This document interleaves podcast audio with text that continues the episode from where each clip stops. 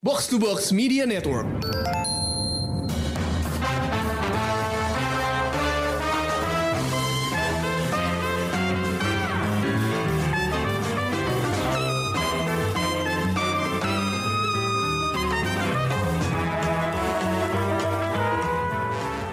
Halo pendengar Showbox, udah berapa lama ya kita nggak ngomongin uh, serial Korea? Kayaknya beberapa kali ter rekaman terakhir itu ya kita ngomongin film Indonesia lah, film berbahasa Inggris lah, bahkan film India kita bahas. Tapi udah lama nih kita nggak ngomongin drakor. Jadi kali ini gue sama Ule dan Krisna bakal balik lagi ngebahas Korea Vaganza. Dan di kesempatan kali ini kita punya tema tentang apa yang akan kita bahas di Korea Vaganza temanya adalah second chances alias kesempatan kedua. Um, gue milih tema ini karena gue notice banyak banget drakor akhir-akhir ini yang ngasih kita harapan bahwa walaupun kita bisa saja mengalami keterpurukan, kita pun bisa bangkit lagi dan hidup kembali dengan baik. Nah, angle-nya itu ada macam-macam ya. Ada kita bisa bangkit lagi karena dibantu oleh sosok misterius kayak malaikat atau karena dari kekuatan diri kita sendiri gitu loh. Jadi uh, lumayan banyak pelajaran yang bisa diambil dari drakor-drakor tentang second chances. Jadi uh, kali ini akan ada empat judul. Nah, kurang apa lagi tuh? Empat judul loh kita bahas sampai-sampai harus di cut jadi bagian satu, bagian dua, part one dan part two. Di part one kita bakal ngebahas dua serial. Gue bocorin judulnya aja ya untuk semuanya. Di part one kita ngebahas serial Tomorrow dan The Uncanny Counter di part 2 kita ngebahas serial Again My Life dan Mad for Each Other. Udah kebayang belum sih gimana uh, kenapa temanya second chances? Kalau belum, yuk kita mulai aja diskusinya. Hai Olil, hai Krisna. Hai Ami. Halo. Ya, jadi kita uh, bahas drakor ya. Iya. Sama ya. Sekalinya sekalinya kangen langsung gue ngajuin empat judul gitu biar puas sekalian gitu jadi kalau ada yang nanya kok drakornya nggak pernah lagi sih? Nah, gue kasih empat. Tuh. Um, jadi siapa nih di sini yang udah nonton Tomorrow? Uh, gue udah nonton. Wah, baru banget selesai. Oh, baru banget selesai. Kalau gue nggak selesai, karena gue sedih. berat ya?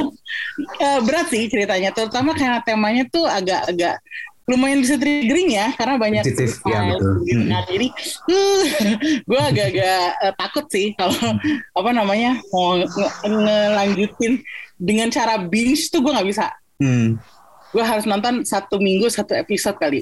Oh iya, iya. Ya lebih. Biar netral ada ya. cooling downnya, ada cooling down. Iya, ada yeah. cooling down periodnya. Soalnya kalau enggak, gue kebawa emosi terus gitu. Jadi hidup gue gak tenang.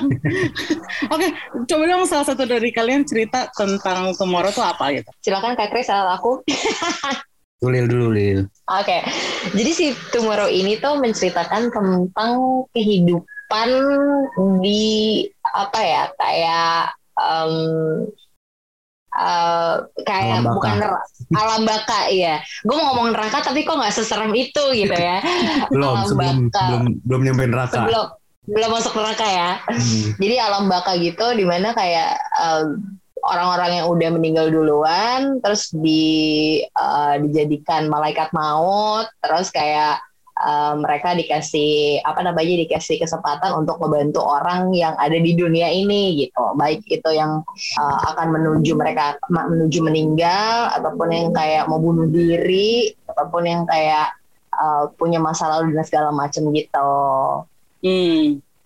jadi di sana tuh kayak apa ya Uh, kayak kantor kali ya. Mereka menyebutnya perusahaan sih perusahaan kan? Terus iya, kayak ada uh, direkturnya banyak ada divisinya iya. gitu. Nah jadi yang main ini juga lumayan cukup uh, terkenal gitu karena kayaknya udah pada senior juga ya Chris ya? Iya. Ada ada Rubon jadi uh, aktor utamanya jadi Chon Jun Wong, terus juga Kim Hee Sun, uh, Lee So Hyuk, Yoon Ji On sama Kim Hee Sok ini biasanya kita ngelihat dia tuh jadi ibu-ibu gitu ya di drakor drakor nenek semua orang ya kayak kita bisa lihat di Hospital Playlist, Hi Bye Mama sama Startup gitu. Nah, yeah. si Kim Hee Sok ini dia jadi apa namanya? jadi direktur dari Jumadeng ini. Jadi si Juma Jumadeng ya bener ya namanya.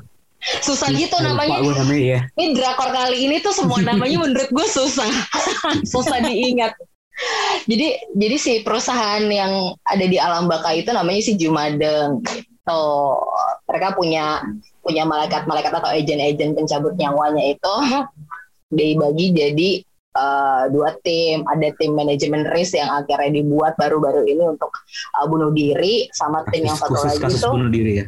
Ah, ah, khusus kasus benar yang satu lagi adalah menjemput orang yang sudah waktunya meninggal. Hmm. Tuh. Ini kalau kalau gue lihat Tomorrow ini mengikuti tren drakor tentang eh, malaikat pencabut nyawa ya.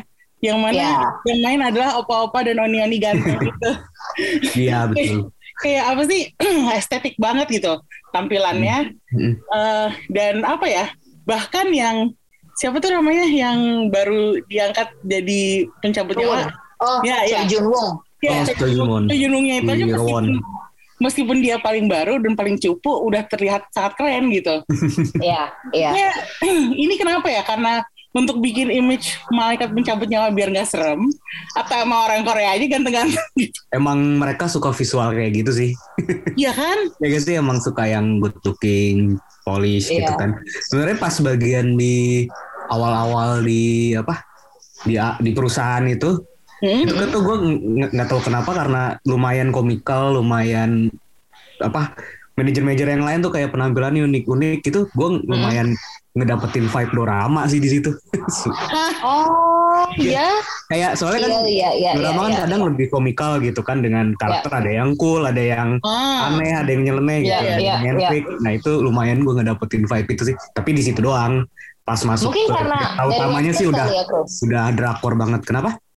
Mungkin karena dari webtoon juga nggak? Eh, enggak sih emang biasanya juga dari webtoon kan, cuman banyak kan drakor lain. Oh iya, Karena Iya, komikalnya aja sih mungkin. iya. Secara Tapi kayaknya bener deh, tampilan. Mi. hmm. supaya nggak takut karena waktu episode 1 gue nonton gitu ya gue tuh langsung tersihir dengan fashionnya mereka gitu loh kayak Iya. semua fashionnya Iya, mereka betul. gitu kan kayak bagus banget yang kekinian banget terus yang matching Iya, dan aku Iya, betul matching. maksudnya nggak ngerusak mata gitu dan iya. keren sih Dan menyesuaikan Keren sih ini kan, bajunya. menyesuaikan misi mereka gitu kan. Iya, iya, iya kostumnya menyesuaikan. Terus kalau di kehidupan sehari-hari juga yang kayak anjir lah keren banget gitu bajunya.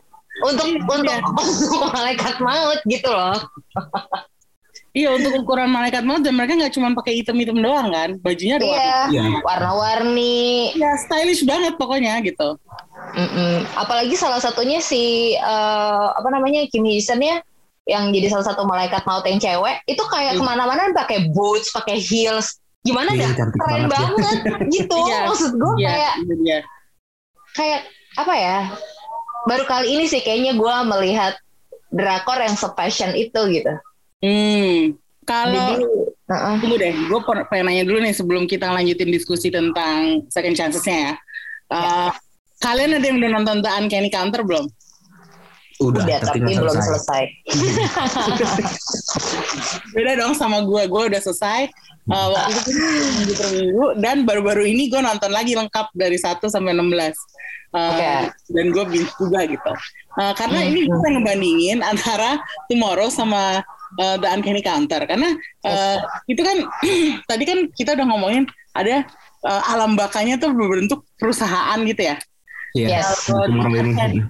Kalau di The Uncanny Counter itu uh, mereka pekerjaannya, jadi mereka tuh bukan necessarily malaikat pencabut nyawa ya.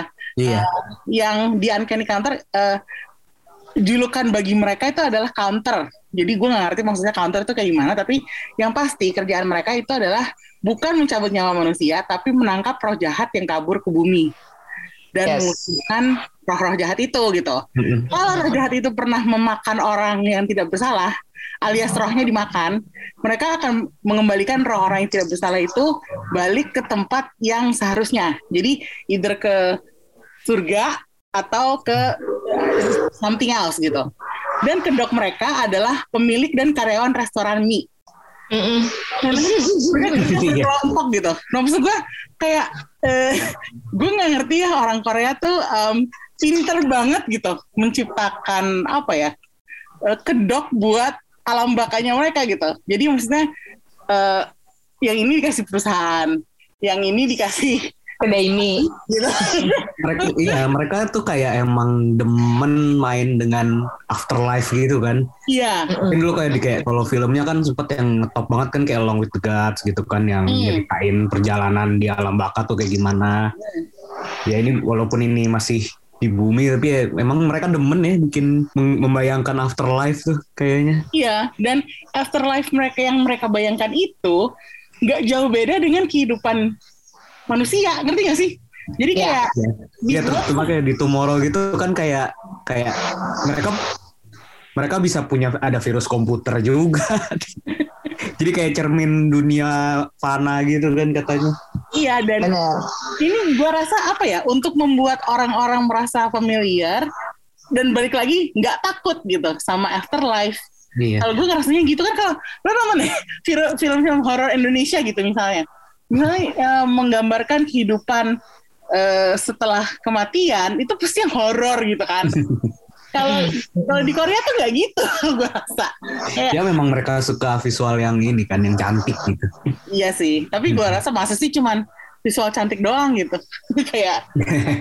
ah, ya mungkin lebih dalam kayak filosof lebih filosofis juga kali ya Iya, gue penasaran sama eh, ada filosofi apa di balik semua itu gitu.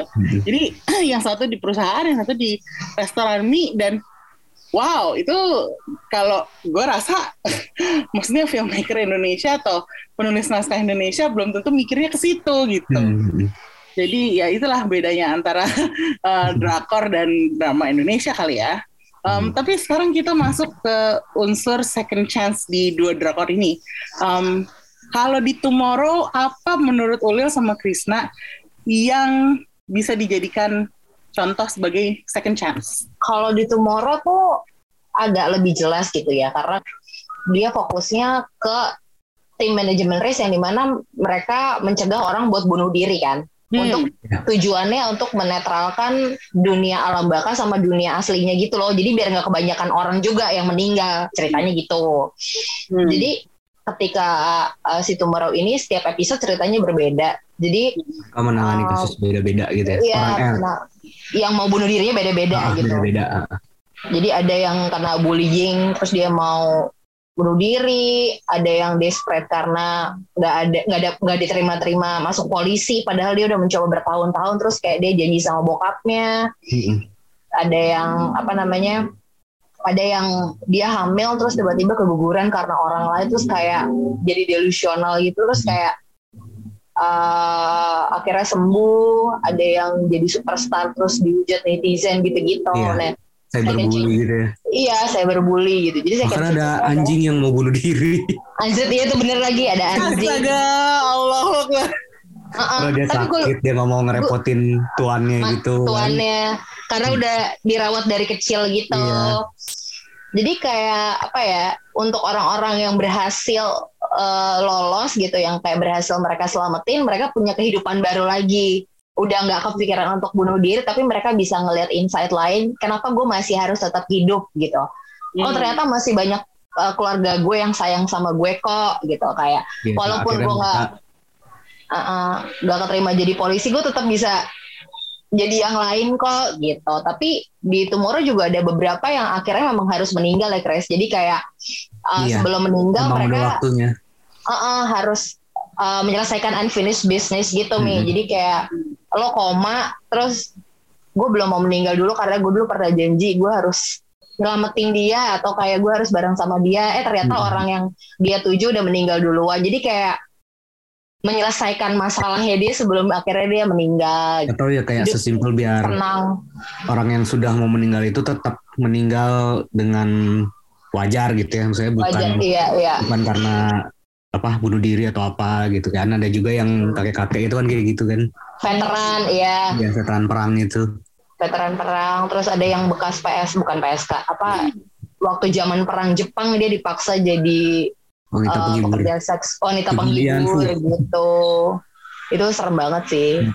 kayak di Tomorrow tuh semua cerita tuh jadi menurut gua jadi kayak apa ya lo dibawa ke masa lalu iya historinya ada gitu zaman zaman Iya secara berapa cerita ratus tahun lalu ya. drama komplit sih segala macem Ada gitu jenisnya Hmm. ada gitu. segala macem Pasti emosional banget tuh kalau Iya, gue rasa maksudnya- ya. Iya, Maksudnya- iya capek, capek. Hmm. Makanya bener Emmy harus cooling down. gue juga Iya. sebenarnya sempat lumayan ragu ketika mau nonton ini karena isunya yang lumayan sensitif ya maksudnya bunuh diri gitu dan Iya, gue iya. sempat ragu gitu apakah drakor ini bisa apa ya nge-treat isu sesensitif itu dengan tepat gitu kan karena eh, serius banget gitu kan masalahnya gitu ya, ya tapi setelah nonton ternyata ya menurut gue lu eh, ini sih dia emang dalam dan ternyata ya cukup kompleks tapi ya tetap ini sih tetap memuaskan lah solusi smooth ya. Heeh. Hmm, oke. Kalau Krisna, menurut Krisna ada ada yang lain lagi nggak yang bisa di, maksudnya selain orang bunuh diri dapat kesempatan baru untuk hidup, Mm-mm. apakah ada yang lain lagi yang bisa menjadi bentuk second chance itu dari Tomorrow? Hmm, fokusnya di situ sih ya. Terus sebenarnya sama ini juga sih sama sing untuk Grim Reaper Grim Reapernya itu sendiri kan. Hmm? Karena mereka menjadi Grim Reaper kan karena ada sesuatu di masa lalu mereka kan. Oh. Kayak kayak ya misalnya si karakter utamanya aja kan dia sebenarnya kan lagi koma kan. Hmm. Dan dia kayak kayak dikasih kesempatan kalau lu mau balik lagi Ke dunia. apa, bisa hidup. balik lagi ke dunia dalam waktu tiga bulan eh, lu bisa apa? Lu bisa balik dengan kondisi yang jauh lebih baik segala macam hidup lu lebih ini. Tapi lu harus kerja ngebantuin si manajemen risk ini kan karena karena kekurangan pegawai gitu kan. Oh. itu ya buat buat mereka juga sih buat si Grim Reaper juga sih. Dan ada juga yang apa ya ada dua karakter yang ternyata di masa lalu ada ada hubungan gitu kan. Dan apa Ya. mereka ada sesuatu yang unfinished gitu. Dan mereka ya akhirnya buat mereka juga gitu dapat kesempatan untuk eh, paling enggak nyelesain apa yang mereka gagal selesaikan di masa hidup mereka gitu sih Hmm. Ada kaitannya sama reinkarnasi juga gitu loh, Mi. Iya, ternyata, ternyata. Mm.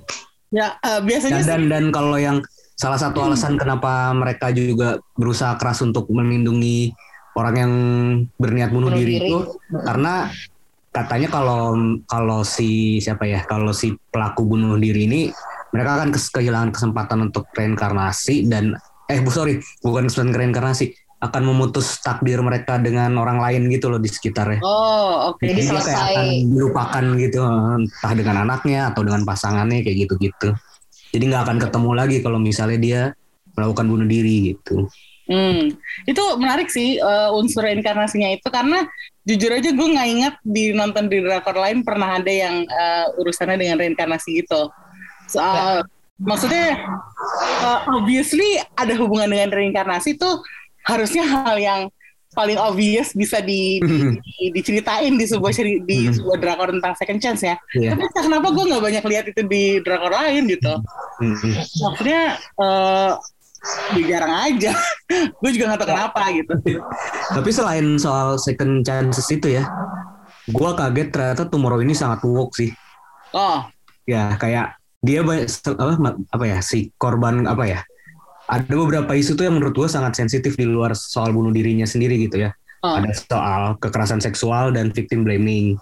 Hmm. Ya. Terus ada soal eh, body positivity, ada Hmm. soal diskriminasi perempuan di eh, kantor. Kantor. Apa lagi ya?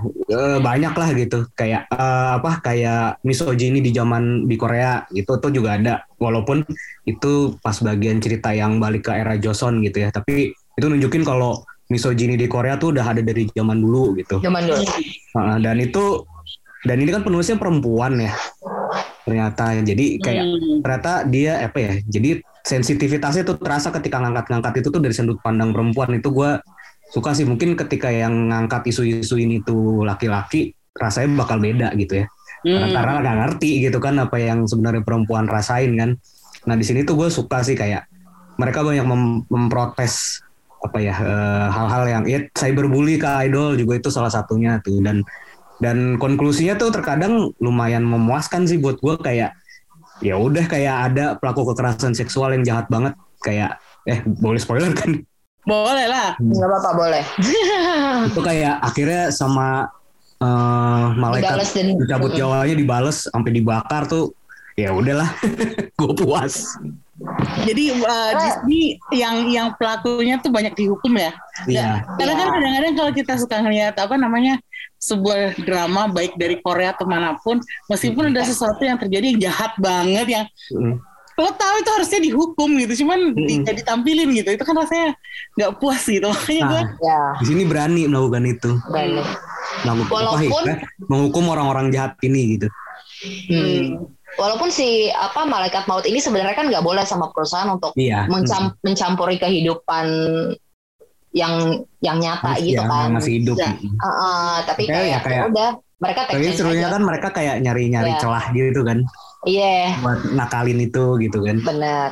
Terus kayak memang ada yang tuh kan sebenarnya dia ngubah takdir kan kayak iya, iya, iya, iya. sebenarnya emang udah waktunya mati tapi sebenarnya dia kayak harusnya matinya kenapa tapi kayak wah lu kayak terlalu enak kalau matinya kayak gini kayak gini aja deh matinya Iya. oh, berani kan sih lo- dan tapi gue suka sih Ya. Mm-mm. Yang penting lo tetap ini ya, tetap mendapatkan ganjar, tetap mati, tapi Iya. matinya kayak gimana ya beda Emang. aja. Gitu. Nah, ah, yang penting sesuai tanggal gitu yang sudah ditetapkan Iya. Nah, sekarang tuh kalau mau dibandingin sama The Uncanny Counter, gue merasakan hal yang sama dalam hal kepuasan, dalam balas dendam terhadap orang-orang yang jahat. Soalnya uh, Oh iya, iya. uh, nonton sampai akhir tuh kadang gue gregetan gitu. Kayak, ini orang-orang jahat kapan dihukumnya ya? gitu. Hmm. Tapi ternyata Gemes. Di akhir itu ada uh, penyelesaian yang memuaskan kalau buat gue. Um, dan secara apa ya unsur second chance di The Uncanny Counter tuh kalau menurut gue eh, bukan masalah hidup ke mati gitu. Eh, jadi gini, eh, si contohnya ya si pemeran utamanya si Somun itu eh, kan cacat tadinya, kakinya pincang. iya kencang Tapi terus dia dapat tawaran jadi counter, terus dia sembuh, terus dia lebih kuat secara fisik. Di malah jadi tengah-tengah kayak super super strength gitu ya Ya, tapi ntar di tengah-tengah eh, di tengah-tengah eh, Episode film dramanya, namanya seriesnya, heeh. eh, tiba-tiba dia cabut ininya eh, Kekuatannya. karena dia melakukan hal yang dinilai terlalu eh, merugikan buat guardiansnya mereka, iya. guardians para counter gitu. Jadi eh, dia harus membuktikan diri lagi untuk bisa dapetin kekuatannya dia balik. Kalau menurut gue itu fascinating karena udah dikasih kesempatan kedua, terus ternyata wah dia berbuat salah nih. Akhirnya dicabut kesempatannya itu. terus jadi dia kehilangan kesempatan. Habis itu Terus dia harus, berubah lagi. dia harus berjuang dulu untuk dapetin lagi gitu. untuk earning lagi gitu ya Heeh, dan apa namanya eh, selama itu terjadi, yang jahat kan tetap jahat ya. Hmm. Jadi dia tuh masih harus melawan yang jahat ini dengan disabilitasnya gitu. Hmm. Makanya gue tuh sempet agak-agak khawatir gitu. Kenapa gue baper banget sama serial ini? Itu adalah karena tempat di tengah-tengah diliatin betapa tuh yang jahat tuh jahat banget. Iya, sampai bikin koma lagi. Iya, si sebenarnya lumayan bikin gua nggak lanjutin sih karena kayak jadi rada dragging gitu sih gua rasanya Hmm. Tapi kalau gue sih Chris, waktu gue nonton yang bagian si Somunnya hilang kekuatan, sementara yang Hmm. jahat masih jahat dan jahat itu bisa kayak kayak aduh banget. jahatnya tuh bangsat banget gitu. Hmm. Itu tuh kayak akhirnya bikin gue kayak gue pengen tahu nih apa yang terjadi selanjutnya gitu. Dan untung aja sih everything turn out fine gitu. Cuman kan ya di tengah-tengah itu kan sempat ada perasaan kayak resah gitu ya. Terus yang satu lagi yang gue suka adalah eh, di sini tuh di Uncanny Counter tuh sangat mengutamakan konsep keluarga kan. Jadi orang-orang Iya. yang jadi karakter di Uncanny Counter ini semuanya udah kehilangan keluarganya. Jadi dan gue- mereka jadi berkeluarga membentuk keluarga baru Iya, Keluarga baru.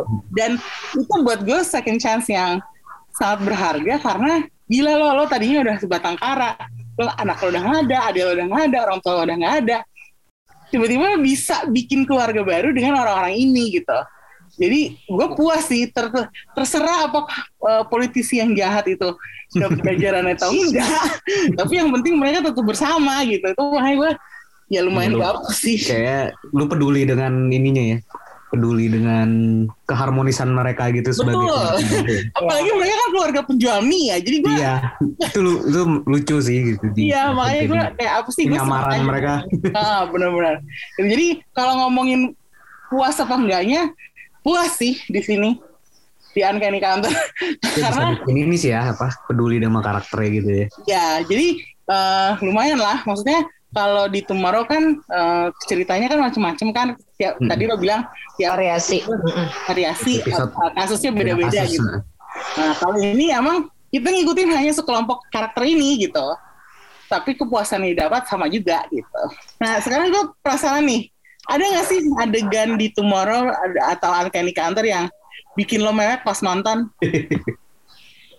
Hmm, kalau gue tomorrow episode 6 sih. Nah, ini yang udah bilang. yang- Gue nggak berani nonton. Veteran. Oh, Itu gue dari dari awal sampai akhir tuh nangis Chris beneran kayak sesengokan gitu gue sedih banget. iya kayak kayak dia ikan dia hidupnya susah banget ya sementara dia kayak iya.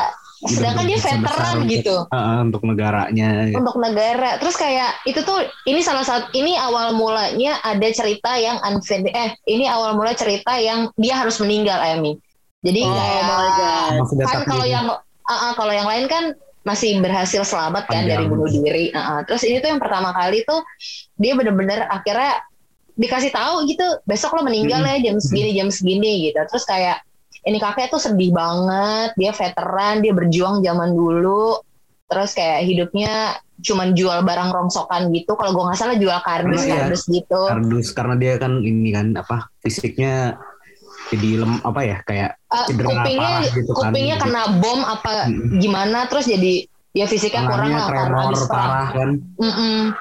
Terus abis itu di flashback gitu kan ternyata Hmm. waktu dia mau per, waktu dia memutuskan untuk jadi veteran juga hidupnya juga susah gitu loh yang kayak Hmm. dia harus kehilangan ibunya pas pulang perang Mm-mm. apa rekan rekan tentaranya waktu perang terus kayak gue sekarang udah ngebangun Korea kayak gini kok gue kayak gini hidupnya tapi dia tetap baik gitu dia ngumpulin duit terus eh, apa namanya duitnya pas dia mau meninggal dikasih ke bos yang tempat dia ngejual kardus-kardus itu katanya Ini buat penadah lo. kardus. penadah iya penadah Hmm. kardus kayak ini buat lo supaya lo bisa ngajak anak lo makan enak mau ulang tahun Hmm. atau beliin kado gitu gue kayak "Ah." Aduh, gue juga sekarang pengen nangis. Dan itu klimaksnya keren sih karena ini kan apa dan semua Reaper-nya datang banyak banget. iya Mm. Itu bener-bener sampai direkturnya si Jumadang itu bener-bener turun terus kayak iya semua semua malaikat maut itu ngejemput kepergiannya dia gitu dan itu jalanannya eh apa kan dia dijemput meninggalnya di rumah gitu kan Iya. terus kayak bener-bener tuh yang merinding semua orang ngejemput dia semua orang nemenin dia of Honor gitu kan Iya. Nah, iya tuh kayak wah gila sih gue kayak ah kok bisa? Dan dan dia memilih untuk nggak menikah. Dia memilih untuk nggak punya keluarga gitu. Iya. jadi dia Batang karena dia dia ngerasa bersalah kayaknya Chris ya sama temannya gitu ya. Mm-mm. jadi Iya. dia memilih untuk hidup sebatang kara dan kayak udah gue useless aja gue nggak bisa ngapa-ngapain. Gue udah tremor gue kuping gue udah kena bom segala macam gitu-gitu. Jadi kayak wah gila sih gue bener-bener Nah pas nonton itu kayak wah gila gue kenapa dari awal sampai akhir neng dong capek juga ya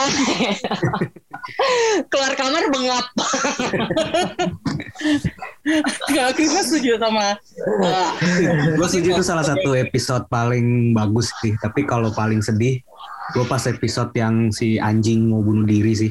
oh, Mungkin nah itu yang karena gak kepikiran Emi anjing Iya. mau bunuh diri loh mungkin itu karena apa ya? Mungkin karena gue punya kucing gitu ya, jadi kayak lebih relate gitu juga kali. Karena gue Astaga. pernah, karena gue pernah, di- pernah ditinggal ditinggal Pet. juga gitu sama salah satu kucing gue karena sakit. Jadi kayak gue mau bayangin, aduh sedih banget gitu kan kayak itu itu paling sedih sih. Tapi kalau kalau yang paling ada juga yang paling memuaskan mungkin yang apa ya? Awalnya nggak memuaskan sih. Awalnya gue marah banget sih nontonnya yang episode kekerasan seksual itu sih. oh itu sedih banget sih Ya, dan, iya iya dan, dan korbannya tuh bener-bener kena victim blaming bahkan dari keluarga sendiri gitu si korbannya kayak disalahin kenapa ya bajunya apa, ibunya karena bajunya karena ini wah itu pulang malam banget sih heeh. terus malah si pelakunya yang hidup normal kan dia tetap Iya. lanjut kuliah tetap kayak bisa nongkrong apa gitu tuh tuh apa ini sih apa kayak marah gitu tapi terus pas akhirnya si korbannya dapat ganjaran setimpal gitu Puas. itu puas sih Maksud gue kalau apa ya? Kayaknya gue abis ini harus eh, ngecek sama lo berdua eh, episode mana yang sebaiknya dihindari, episode mana yang sebaiknya bisa ditonton gitu. Dan- ya itu tadi sih kalau kalau yang Ulil bilang tadi itu harus nonton sih itu paling itu termasuk yang paling bagus. itu dihindari tapi harus ditonton Emi. Iya. Gimana? Lo, aja hidup lo. Kalau yang paling bikin trigger mungkin ya itu sih yang kekerasan seksual itu sih. itu kekerasan seksual bikin lo bete waktu kayak lo nonton yang bullying di sekolah itu lo Ep, yang dia jadi Ya, ya. jurnalis itu tuh Ya, sama Iya. sekejam itu sih Hmm. Ya ya ya. Ya. Untungnya ya, eh, the good news is kalau lo sedih nonton Tomorrow, lo nonton aja Uncanny Counter, habis itu ketawa-ketawa sih. Kalau Lebih Iya, ya, iya. komedi. Maksudnya ada beberapa adegan yang menyentuh di Uncanny Counter, tapi yes sampai Tomorrow juga sebenarnya ada ada ada sedikit-sedikit lah komedinya di antara tiga Grim Reaper ini kan kadang Iya iya iya, tahu gue. dinamikanya lucu juga Ah. sih. Hmm. Sama ada yang yang koleganya mereka yang harus pulangnya tepat waktu itu kan. Iya, ya alarmnya bunyi udah dia pulang tapi ternyata di belakang belakang kan dikasih tahu kayak alasannya kenapa ternyata akhirnya sedih dia ya. iya sedih banget juga. empat atau eh empat episode terakhir sedih sih ya itu jadi bener-bener nontonnya Ya, serius deh. Gue gue gue nggak punya segitu banyak episode menyenangkan dari Uncanny Counter buat mengcounter kesedihan itu. Mungkin nonton kalau nonton Tomorrow jangan di binge kali ya. Iya Kalau bisa yang- bisa. kalau yang bisa, gampang bisa. gitu. Kalau gue sih nggak mungkin sih. Gue pasti Jadi dia ketrigger. ada cooling downnya dulu kalau lo kesel lo apa gitu kayak. Tapi tapi sebenarnya di tiap di tiap klimaks ending tiap episode tuh ya ya memuaskan sih menurut gua. Karena ya itu yang yang jahat-jahat itu beneran langsung dihukum setimpal. Langsung selesai gitu. episode itu ya. Gue ingat dari episode terakhir yang gue tonton, which is yang temennya yang mau jadi polisi itu, Oh iya. itu endingnya tuh rada lucu karena dia dikasih ayam, Ayam. goreng kan, ternyata kan gorengnya nggak enak Kayak gitu. enak. Terus dia nangis karena ayam gorengnya nggak enak. Hmm. Itu artinya Ternyata. Iya makanya kadang masih ada masih ada ini juga lah apa kayak momen-momen ringan kayak gitu. Bodornya ya. Heeh, Filipin. Oke, eh, sekarang eh, gini deh, gue pengen tanya nih terlepas lo percaya sama malaikat atau goib atau apa gitu, atau takdir atau gimana gitu. Terlepas dari itu, Ya. percaya gak sih sebuah second chance bisa, bisa terjadi dalam kehidupan nyata tanpa bantuan makhluk yang lebih tinggi itu? ya bisa dong. Bisa. Gue percaya lagi. Saya Coba coba, Krisna kenapa Krisna? hmm, wah gimana ya? Maksudnya kayak wah susah nih. Main dulu deh. Kalau gue percaya karena eh, beberapa circle gue pernah dapat kehidupannya balik lagi gitu loh. Oh, Ada yang ada yang waktu itu masalah sama jantungnya dia koma enam hari, terus akhirnya dia bisa bangun lagi. Itu kan kayak uncanny counter ya, lo koma Ya, sebulan betul. terus lo dapat hidup Ya. baru gitu. Hmm. Terus kayak gue punya kenalan dia eh, dulu kalau gue nggak salah dia pramugari atau apa gitu. Terus tiba-tiba dia bermasalah sama pernafasan, terus nggak bisa jalan, terus sempat koma juga gitu. Terus sempat koma dua kali, terus dia bisa berhasil hidup lagi. Terus sekarang dia jadi kayak apa sih eh, terapis healing gitu loh. hmm. Jadi Hmm. jadi mungkin karena gue melihat dan Kalau ya. ya. ketemu depan mata gue, Oh. Iya gue percaya. Di luar itu pasti ada keajaiban dari yang maha kuasa ya. Ya, ya, ya. gitu sih. Atau mungkin sekedar ini kali ya, sesimpel kayak lo sakit tapi lo masih bisa sembuh gitu loh. Iya. Iya sih? Kayak Iya betul sih. Mungkin ya kayak gitu sih kayak pas sakit kayak udah frustrasi atau mengganggu banyak hal gitu kan, tapi iya. ternyata masih bisa sehat lagi. Kalau gue eh, juga percaya, tapi eh, contohnya nggak bahkan nggak sedalam yang dikasih tahu sama Ulil. Oh, Karena gue Hmm. eh, ini ya, gue waktu itu cerita dikit sejarah gue. Gue kebetulan kerja buat Kinokuniya. Mm-mm. 8 tahun gue kerja di perusahaan itu. Gue udah berpikir pada saat itu ini mungkin tempat pertama dan terakhir gue kerja gitu. Hmm. Tapi ternyata kan terjadi masalah di dalam perusahaan itu internal. yang bikin gue akhirnya cabut. Dan pada saat itu gue cabut, gue sebenarnya belum punya apa ya planningnya. plan. Hmm. Iya, jadi kayak gue gue tuh asal bilang cabut, cabut aja gitu. Padahal Hmm. gue udah kasih surat resign, gue udah apa ya, gue udah apa ya, udah udah beneran mau pamit nih gitu. Tapi Hmm. sebenarnya gue belum punya apa-apa yang untuk gantiin. Tapi terus nggak lama kemudian gue ketemu sama eh, mantan pemretnya majalah All Film yang waktu itu namanya Total Film. Gue Hmm. ditawarin kerjaan di majalah. Gue langsung kayak wah, this is my second chance gitu. Jadi ngerti gak sih? Kayak gue iya. dapet kesempatan kedua dari karir yang tadinya gue pikir apa ya udah kandas di situ gitu. Tadinya gue Iya, iya. pikir wah gue nggak bakalan nggak kerja nih, gue nggak bakalan berkontribusi ke keuangan keluarga nih gitu. Tapi nggak taunya gue Mhm. ketemu sama eh, Mas Pemret, terus ternyata gue Nah, namanya nggak nggak usah disebutin. Bacain aja ya. Terus udah gitu gue pindah ke perusahaan itu meskipun gini ya, meskipun gajinya nggak segede waktu gue di Kinokuniya, eh, tapi ternyata tempat itu adalah gue ketemu teman-teman kerja yang paling asik. Menyenangkan. Oh. Jarah gue bekerja, majalah All Film itu anak-anaknya tuh paling asik. Serius deh, makanya gue sampai sekarang kan masih gagal move on dari anak-anak itu kan. Krisna aja masih gue ajakin podcast gitu. Kayak itulah eh, makanya gue percaya bahwa ada second chance bagi semua orang gitu. Yes. Gak mungkin sesuatu tuh berhenti. Ini aspek ya. Iya. Iya, iya betul setuju sih. Oke, Krisna lo mau nambahin atau masih susah? Masih susah, tapi ya, tapi benar sih. Patah mungkin- hati mungkin Chris.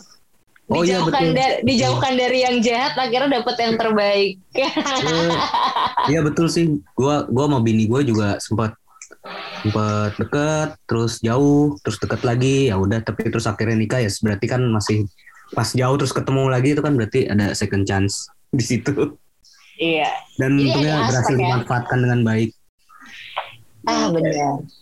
Benar Wah, benar. filosofis sekali ini pembicaraan kita. Adulting 101 ya.